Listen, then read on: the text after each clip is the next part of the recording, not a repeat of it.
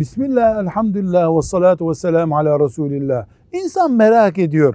Kur'an-ı Kerim neden ayet ayet ya da sure sure indi de toptan inmedi? Önceki Tevrat ve İncil ve Zebur toptan indi mesela.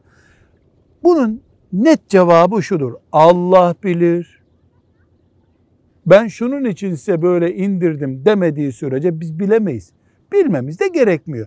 Ama alimler bir hikmet aramışlar mıdır bunda? Aramışlardır. Nedir o hikmetler? Mesela bu bir eğitim oldu ashab-ı kirama. Nefes nefes Kur'an'ı yaşattı Allah onlara. İkincisi Allah'a davetin nasıl yapılacağının kademelendirilmesini de gösterdi Allahu Teala. Ashab-ı kirama psikolojik destekler oldu. Mesela Mekke'nin en azılı şirk tuğyanının olduğu günlerde Yusuf suresi indi. Allah'ın yardımının sonra nasıl olduğu gösterildiği için ilk nesle ashab-ı kirama Allah onlardan razı olsun. Allah rahmetiyle muamele etmiş oldu. Neden?